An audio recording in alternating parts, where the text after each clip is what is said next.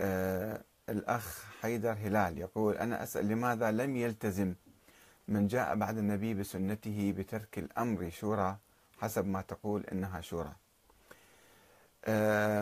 يا أستاذنا العزيز يا أخ حيدر آه يعني إحنا عندما نريد أن نبحث فكرة حتى نستفيد منها مرة نبحث أنه بالتاريخ ماذا حدث في التاريخ ولماذا لم يحدث كذا ولماذا حدث كذا هذا في الحقيقة ما يهمنا كثير يهمنا أنه الآن إحنا أمام مفترق طريق.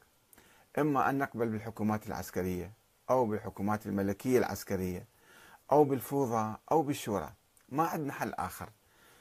هل يوجد لدينا الآن ومنذ مئات السنين إمام معصوم معين من قبل الله تعالى؟ ما موجود عندنا هذا الشيء.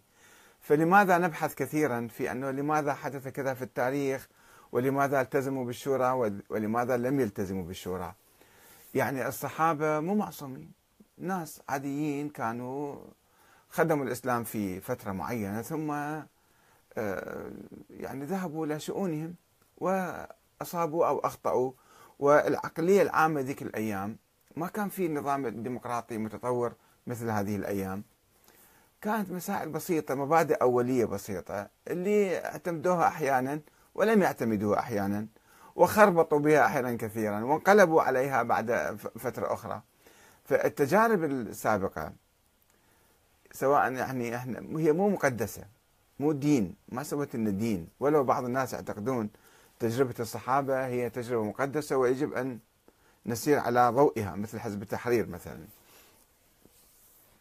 ولكن إحنا نريد نقتبس النظرية اللي تفيدنا اليوم. أن الحكم يكون للشعب والشعب هو يقرر مصيره والشعب هو الذي يحاسب الحكام ينتخبهم ويغيرهم ويراقبهم ويعطيهم صلاحيات محددة أو يسلب الصلاحيات من عندهم.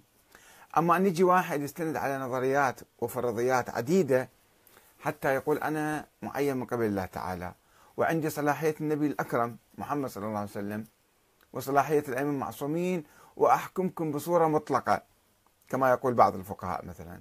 الشيعة أو الخلفاء نظرية الخلفاء عند السنة.